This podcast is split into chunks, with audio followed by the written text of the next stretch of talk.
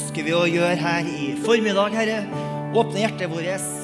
Gi slipp på alt, og så bare gi deg alt. Takk at du er her for å møte hver enkelt en, Herre, som åpner sitt hjerte og tar imot ditt ord, Herre. Da er du der med din trøst og med din omsorg og med din kraft.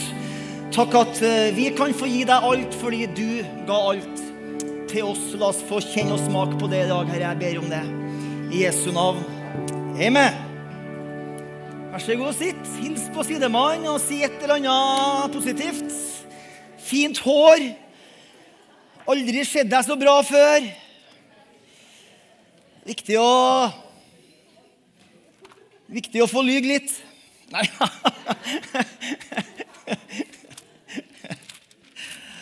OK.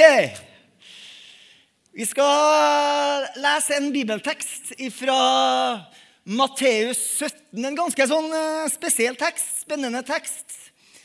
En del merkelige ting som skjer der. Og så skal vi forsøke å si noe fornuftig. Eh, vi skal prøve på det.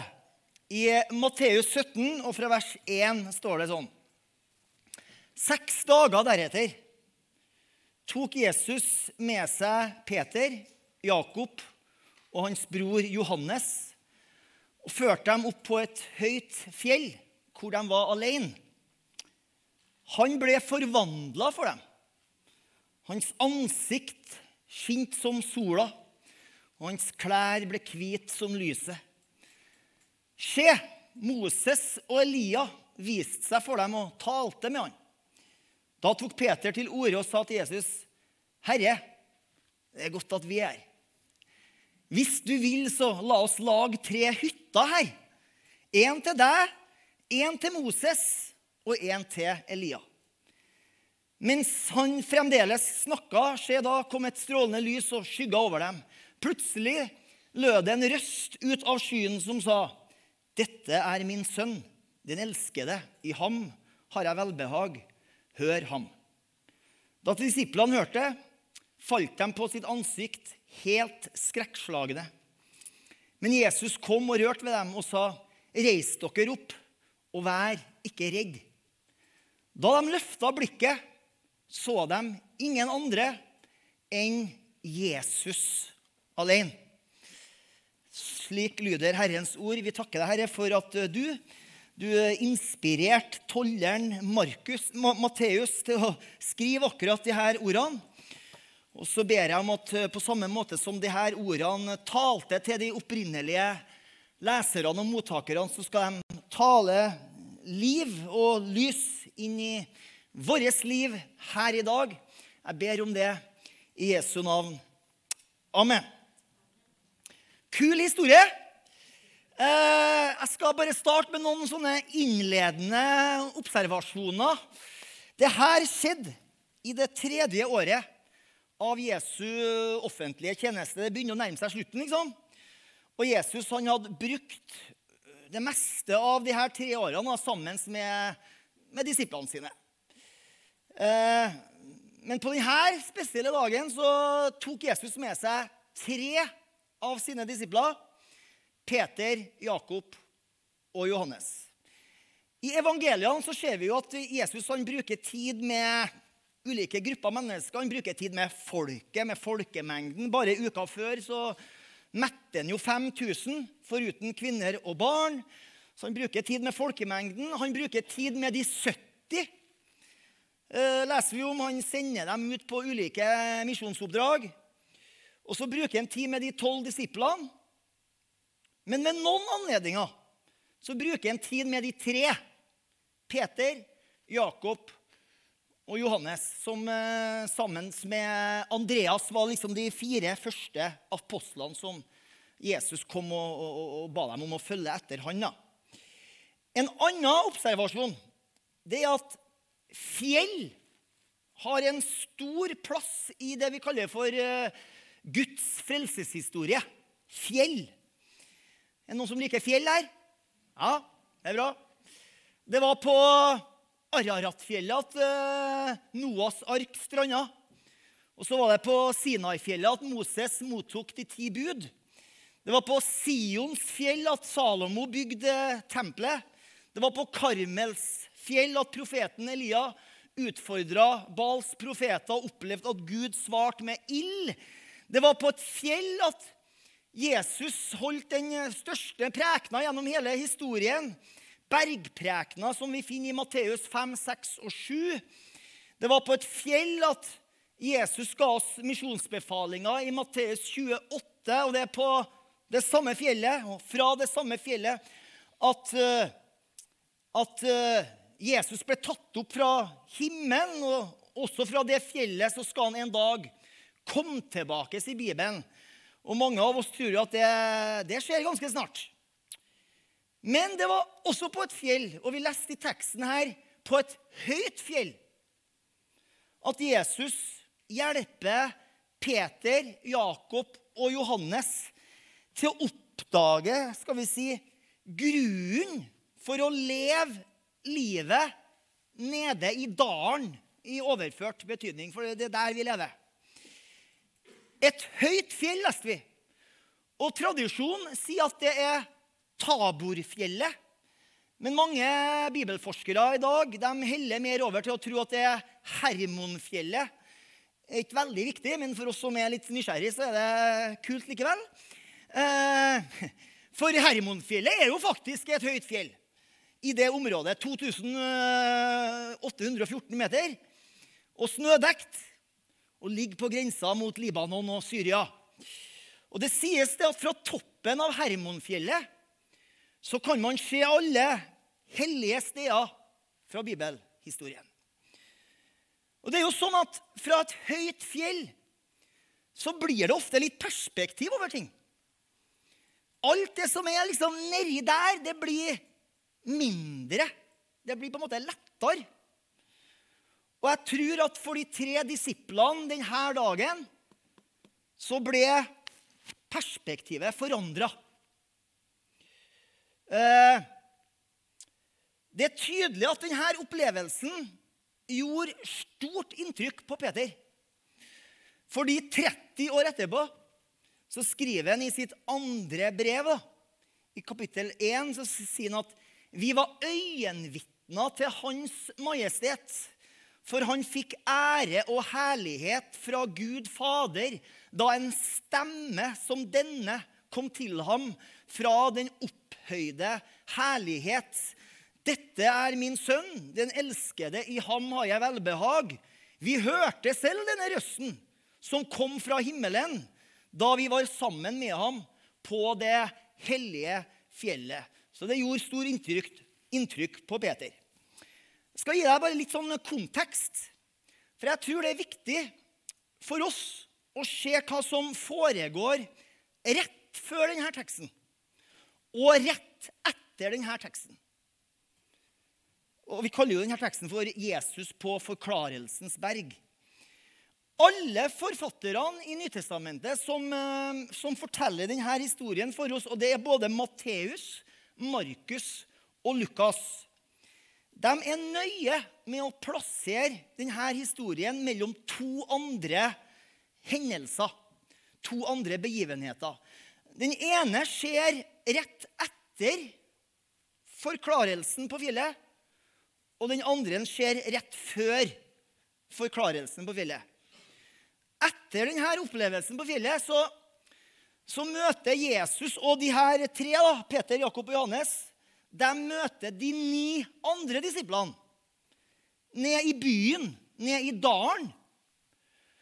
Og det er en, en stor mengde folk som er samla rundt dem, og oppmerksomheten er på en måte retta mot en veldig bekymra far som har ført sin sønn til disiplene for helbredelse.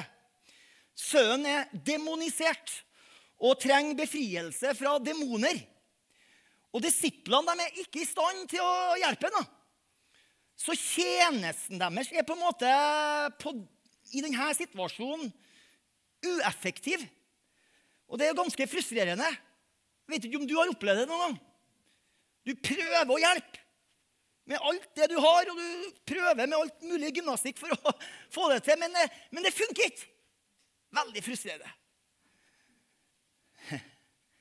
Før denne opplevelsen på fjellet så hadde Jesus undervist eh, om nødvendigheten av at han måtte gå til korset. Han hadde begynt å snakke om det som måtte skje. Korsfestelsen. I byen Cesarea Filippi leser vi kapittel 16. Det, den byen ligger jo ved foten av Hermonfjellet. Så spurte Jesus disiplene hvem sier folk at jeg er. Og disiplene, eh, og disiplene svarer da med de her ulike alternativene som folk hadde kommet opp med. Og så sier han til dem, 'Men hvem sier dere at jeg er?' Og da taler Peter da, han taler sannsynligvis for alle tolv, og så sier han at 'du er Kristus, du er Messias'. Og Peter han hadde, han hadde både rett og feil. Både rett og feil. Ja, Jesus er Messias, så Peter har rett. Men han er ikke den type Messias som Peter og menneskene på denne tida forventa. De forventa en Messias som skulle komme som en slags uh, seirende general, en, type Napoleon, eller uh, vi som har vokst opp med litt uh, voldsfilmer, en sånn hellig Rambo.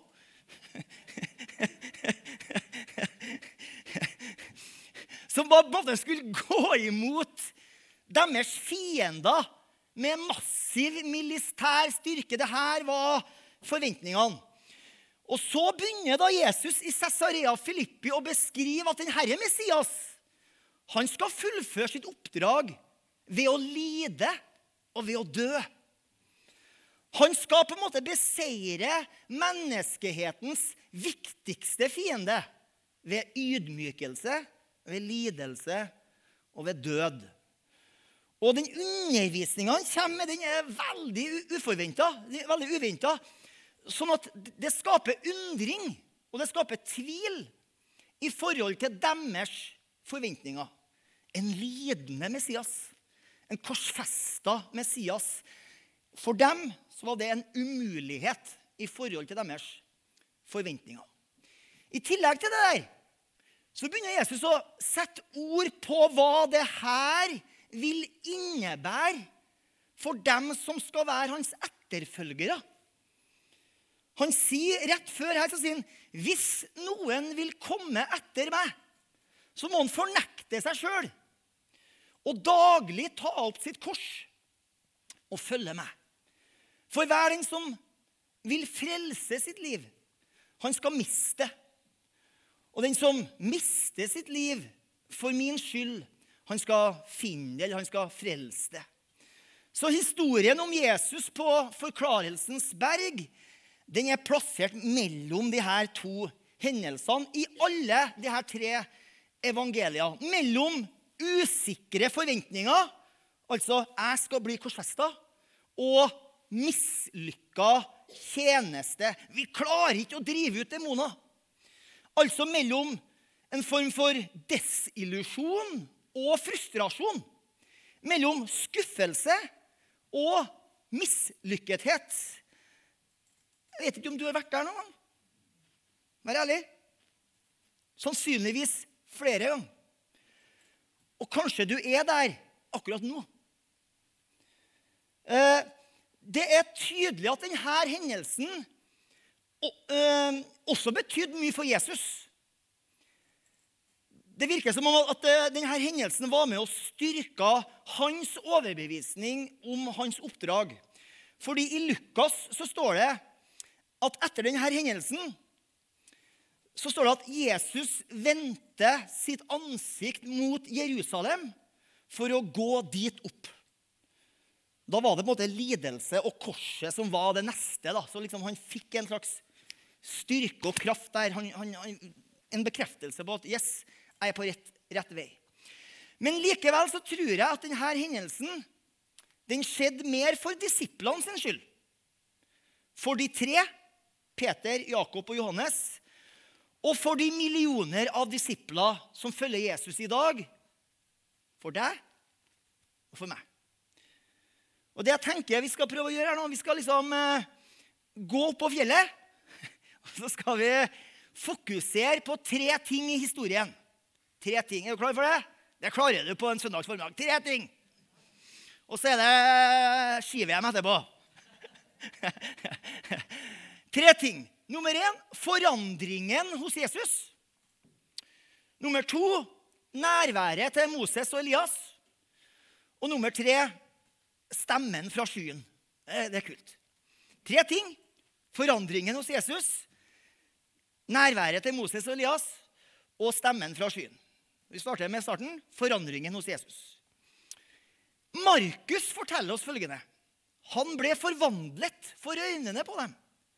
Hans klær ble strålende, skinnende hvite som snø. Og så kommer han med denne kommentaren. Så hvite at det ikke er noen bleker på jorden som kan få dem så hvite. Det er fint å vite.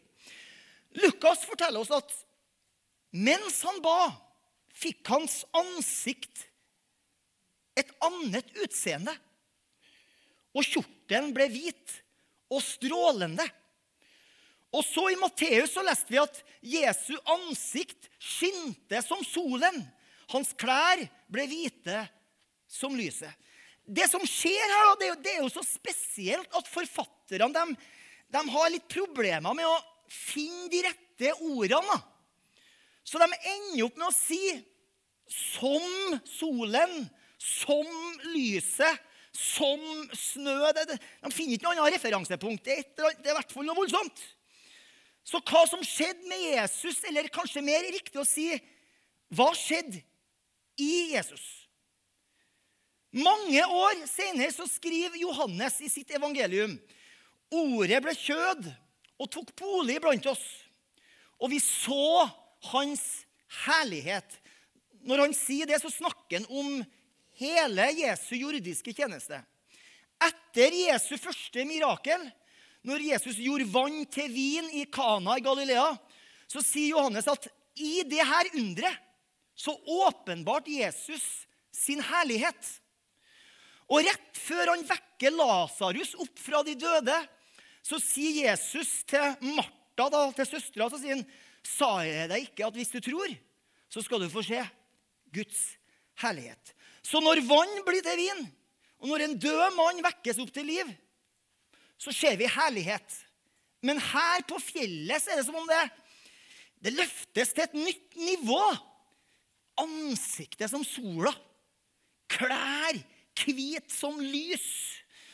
Og det ordet som Matteus bruker for å beskrive denne forandringa, det er hos Jesus da, forandringa hos Jesus, det er ordet metamorfose. Som betyr å forandre form på samme måte som ei larve som blir til en sommerfugl. Det betyr å forandres fra innsida. At på en måte innsida flyttes til utsida. Det betyr at det usynlige, den indre virkeligheten, blir synlig i det ytre. Så det her er på en måte det som Jesus allerede er. Det er ikke noe som kommer over. Det her er noe som Jesus allerede er eh, men som han har på en måte holdt litt tilbake på i sin jordiske tjeneste. Og de tre disiplene de oppdager at han som de nettopp har bekjent er Messias, han er ikke bare et vanlig menneske. Så jeg tror på en måte at Jesus han, han tar dem både tilbake og framover i tid. Langt tilbake og langt framover. Tilbake til denne herligheten som han hadde før verden ble skapt. Og framover en slags forsmak på den kommende herligheten som vi leser om i Bibelen. For at dem, og for at vi skal forstå at sjøl om Jesus er fullt ut menneske, så er han mer enn bare et menneske. Han er Messias, og han er Gud. Så lyset kom ikke ned og over Jesus. Det kom fra Jesus.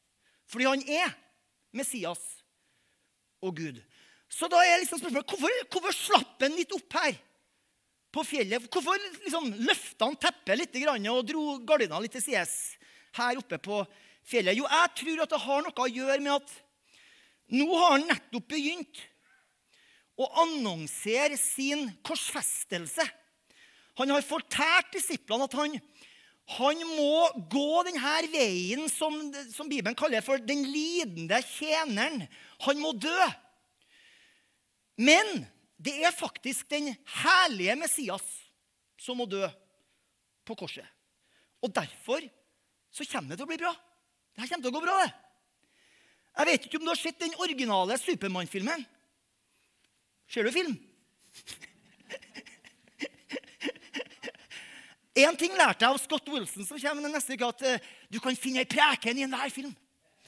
For Jeg var på kino sammen med henne i Bergen, og da satt vi og diskuterte. Hvordan preken kan du få ut av denne filmen? Jo, han kunne få en, en, en, en hvilken som helst film.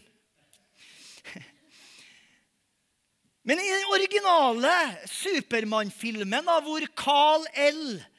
blir sendt fra planeten Krypton ned til jorda og vokser opp som et, eh, en helt vanlig mann, Clark Kent, og så jobber han i ei avis i byen Metropolis.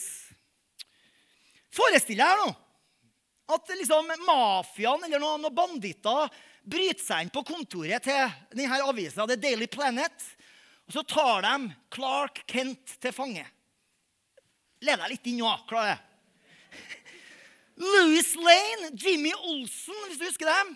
De prøver å stoppe dem, men, men, men det mislykkes.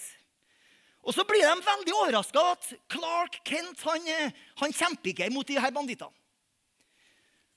Og Så skal de føre han bort, og så gjør han ingen motstand.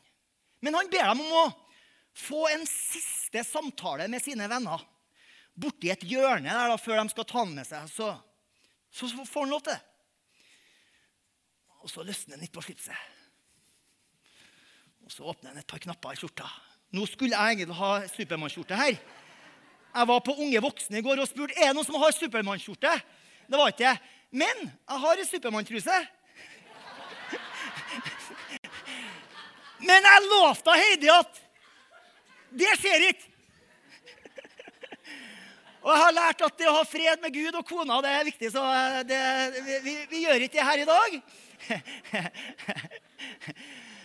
Men han løsner litt opp på skjorta. Så viser han dem liksom borti hjørnet her. Jeg er Supermann.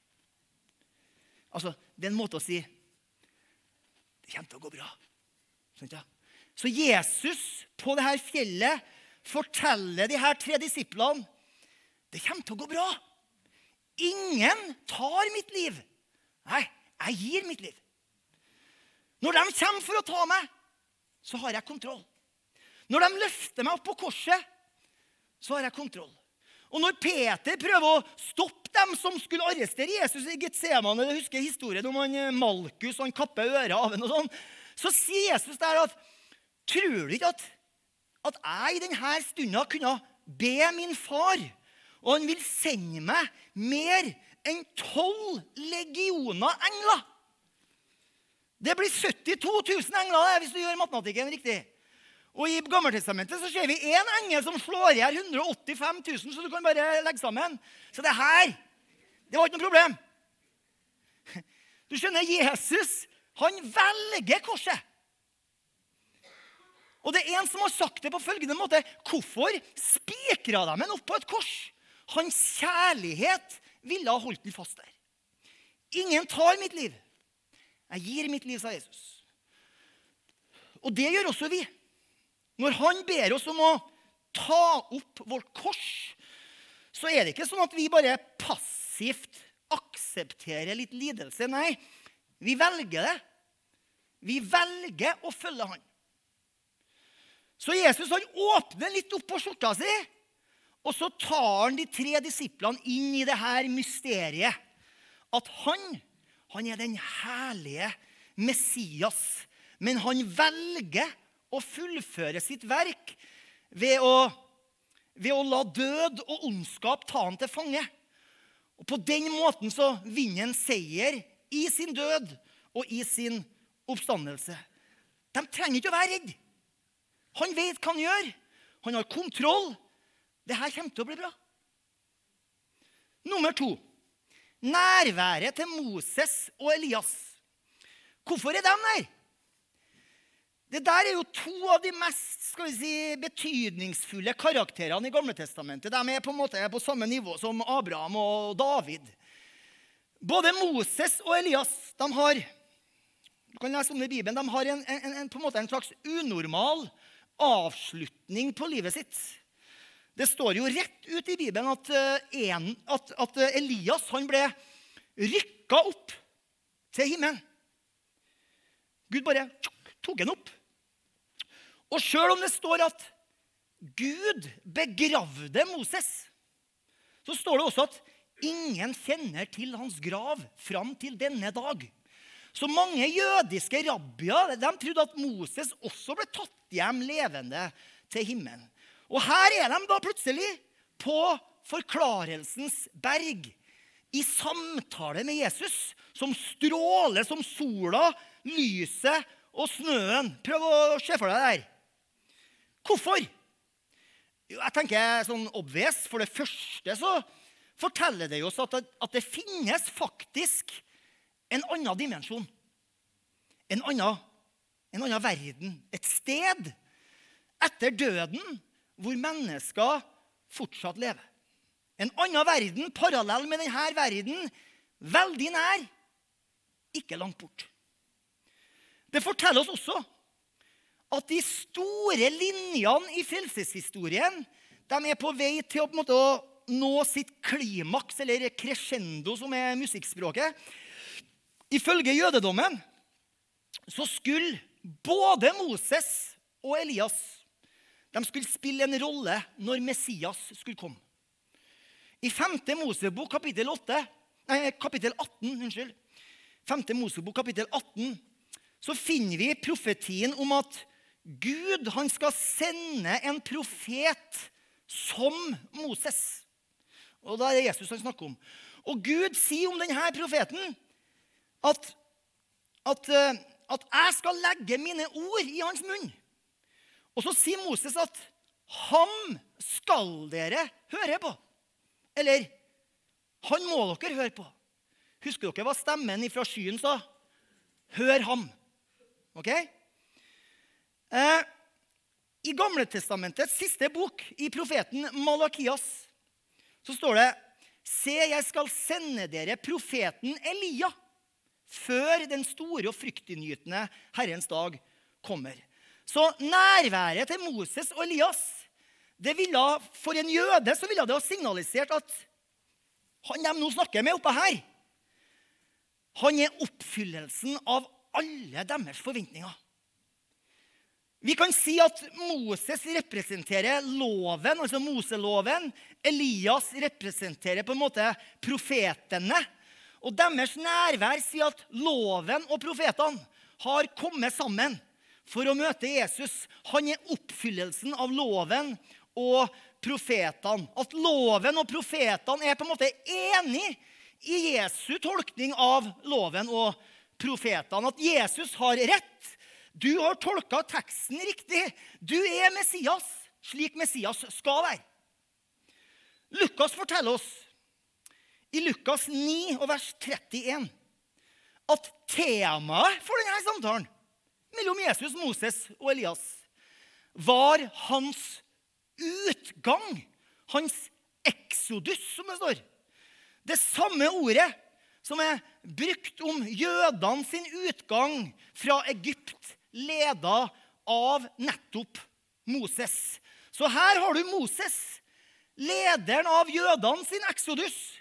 Og så har du profeten Elias, profeten for han som leder den virkelige utgangen, den virkelige exodus. De er på en måte der og bekrefter Jesu forståelse av hvordan denne virkelige exodus, redningen av hele menneskeheten, skal foregå. Det er som om de sier ja, du har rett. Fortsett. Guds frelse for sitt folk, det skal skje gjennom korset. Nummer tre stemmen fra skyen. Hva betyr det for noe? I jødisk tankegang så var Guds nærvær ofte kobla med ei sky. Det var, var ved ei sky at Gud leda israelsfolket gjennom ørkenen i 40 år. Det var ei sky som senka seg over tabernaklet når Moses gikk inn der for å, å, å, å snakke med Gud. Det var ei svær sky til stede når, uh, oppå Sinai-fjellet når Moses fikk de ti bud. Og det var ei sky som senka seg over tempelet som ble bygd av Salomo. Så det var ikke noe rart at vi leser i teksten at disiplene, de tre, de faller ned på knær, står det. For de visste hva denne skya betydde. De skjønner hva som skjer når denne skya omslutter dem. Og Jeg ser for meg at liksom pulsen den øker ja, ganske kraftig. De visste at det her det er det som vi kan kalle for herlighetsskyen. Og de visste at denne skya den hadde ikke åpenbart seg på 600 år. Forrige gang noen så denne skya, det var Esekiel i år 586 før Kristus. Og der er de sammen med Moses og Elias, som hadde vært i denne skya før, omslutta i dette mysteriet. Og midt i denne voldsomme opplevelsen så hører jeg med en stemme som sier Det er jo helt vilt. Jeg hører en stemme som sier, 'Dette er min sønn, den elskede. I ham har jeg velbehag. Hør ham.' Nesten det samme som ble sagt ved Jesu dåp. Og Disiplene de skjønner med en gang hva denne stemmen er. for noe. Det er Gud. Det er Gud, Faderen, som også bekrefter at Jesus sin forståelse av å være Messias er korrekt. For han sier i ham har jeg velbehag. Det kunne han ikke ha sagt hvis det Jesus hadde sagt, var bare eh, sprøyt. liksom. I ham har jeg velbehag. Så det er som om, om han sier at her er frelseren. Her er kongen. Her er Messias, Guds sønn. Begynner du nå å forstå hva denne hendelsen betydde for de tre disiplene på fjellet denne dagen. Du vet at etter at han begynte å annonsere sin korsfestelse, så begynner jo disiplene å diskutere om, om, om de skal skal vi fortsette med å følge ham. Etter at han annonserte at også dem må velge korsets vei, lidelsens vei, så begynner de å lure på om, om, om det er verdt det. Nå vet de det. Nå vet de det. Stemmen fra skyen sier, 'Dette er min sønn'. Det er sant, det som han sier. Derfor så kommer da befalingen etterpå. Hør ham. Hør ham. Som har betydningen hør og adlyd. Hør og adlyd. Hør på han når han sier at han må gå til korset. Hør på han når han sier at han vil oppstå på den tredje dag. Hør på han når han sier at han vil gi sitt liv som en løsepenge for mange. Hør på han når han sier at du må ta opp ditt kors. Du må fornekte deg sjøl, og du må følge etter han. Hør på han når han sier til den syke, vær helbreda fra din plage. Og den som sønnen får frigjort, han blir virkelig fri. Og når han sier til de onde åndene, 'Kom ut', hør på han! Fordi han er Guds ord. Guds ord i kjøtt og blod. Hør han. Hør Jesus. Fordi vår tro skal være Jesus-sentrert. Og så sier teksten at da de løfta opp øynene sine, så så de ingen andre enn Jesus alene. Det er veldig sånn fint sagt. Ingen andre enn Jesus alene. Eller bare Jesus. Moses har gjort sitt. Moses har sagt sitt. Han feide bort ut av bildet. Elias har gjort og sagt sitt. Han feide bort ut av bildet. Og der står Jesus alene. Ingen over og ingen ved siden av. Han har det siste ordet. Det ordet som står fast når alt annet vakler. Hør på ham, sa stemmen. Du skjønner, hvorfor, kanskje, du skjønner kanskje hvorfor Peter, Jakob og Johannes ønsker å forbli på dette fjellet. Det er fint at vi er Jesus. Vi, vi skjønner hvorfor Peter synes, at her er det godt å være. Jeg tror vi alle ville ha forblitt på det fjellet. Eh, alt er jo så enkelt der. Fryktelig enkelt. Vi slipper på en måte alt styret og bråket nede i dalen der vi lever livene våre. Men de kunne ikke forbli på fjellet. Fordi de nettopp har oppdaga grunnen for å leve nede i dalen. Hør på han. Hør og adlyd. Ikke mer og ikke mindre. Du vet, det, det, mest fundamentale i vårt liv, enten vi er på fjellet eller om vi er nede i dalen, det er å høre og adlyde hans ord. Så de går ned fra fjellet, tilbake til liksom bråket og, og styret, tilbake til, til, til rotteracet, liksom. Og, så, og, der finner de de andre ni disiplene. Og de er frustrert. Fordi deres tjeneste funker ikke.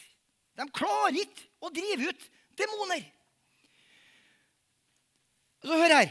De tre kunne ikke forbli på fjellet. Men de ni var ueffektive i tjenesten fordi de ikke hadde vært på fjellet. Du med det?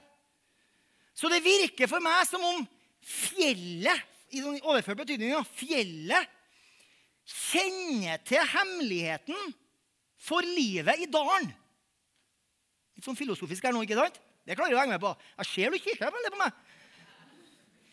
Hemmeligheten det er at Jesus, ikke du og ikke jeg, Jesus alene, han er Messias, kongen. Han er helbrederen, han er frelseren. Han er den som setter fri. Og fjellet forteller oss at for å leve effektivt i dalen, der utfordringene er, så må vi være kobla på og rotfesta i Jesus alene. Utbrenthet, slitenhet, bitterhet, desperasjon ikke lenger å være i stand til å, liksom, å kjenne begeistring for evangeliet, er symptomer på å leve i dalen uten perspektivet fra fjellet. Er du med? Så kommer vi til de gode nyhetene. Og det er at fjellet for å møte Gud eh, eller, eller Jesus alene, det er ikke langt bort. Fjellet kan være her. I den dalen som du og jeg lever i akkurat nå. Det kan være her, i dette auditoriet. Det kan være hvor som helst. Og vi vil sannsynligvis ikke ha den eksakt samme opplevelsen som de her tre disiplene hadde. Men Jesus vil møte oss, og han vil gjøre seg kjent, for det han lovt. Jesus ber i Johannes 17 så ber han, 'Far, jeg ber om at dem skal være med meg, for at de skal se min herlighet.' Den herligheten som du ga meg før verdens grunnvoll ble lagt. Jesus han får svar på den bønna. Han vil at vi skal se, og han vil få det til å skje. Han gjorde det igjen noen uh, tiår etterpå for apostelen Johannes. Når alt holdt på liksom å ramle litt sammen for Johannes, når vold og ondskap dominerte i det romerske imperiet, ingenting kunne stoppe det, på øya Patmos, hvor Johannes hadde blitt plassert med, med tvang da, liksom for å råtne bort der, så møter Jesus Johannes på ny. Og så knepper han opp skjorta igjen. vet du. Og så står det, Johannes skriver, jeg snudde meg og så en som ligna menneskesønnen, kledd i en fotsid kjortel og ombundet med et gullbelte eh, om brystet. Hans hode og hår var som ull, så hvit som snø. Hans øyne var som flammende ild, og hans ansikt var som sola når den skinner i all sin kraft. Igjen så sliter de med å finne de riktige ordene. Så de ender opp med å Som ull, som snø, som flammende ild, som sola. Og så sier Jesus, 'Frykt ikke. Jeg er den første. Jeg er den siste. Jeg er han som lever og var død. Og se, jeg er levende i all evighet. Amen. Jeg har nøklene til dødsriket og til døden. Og Johannes blir styrka, og han vet at han kan utholde det som måtte komme av prøvelser og lidelser. Det kommer til å bli bra. Det kommer til å bli bra. Lovsangerne kan komme. Jeg vet at Jesus han har gjort det her for, for mange her. Flere ganger. Jeg kan vitne om det. Og flere her. At i visse situasjoner så har Jesus kommet. Han har liksom åpna noen knapper i skjorta. Og så har han åpenbart hvem han virkelig er. Og det gir enorm styrke og trøst. Og Det gjør at vi finner mening i å leve livet i dalen, der alt styret og der alt bråket foregår. 3. april 1968 i Memphis, Tennessee. En av de siste prekenene til Martin Luther King jr.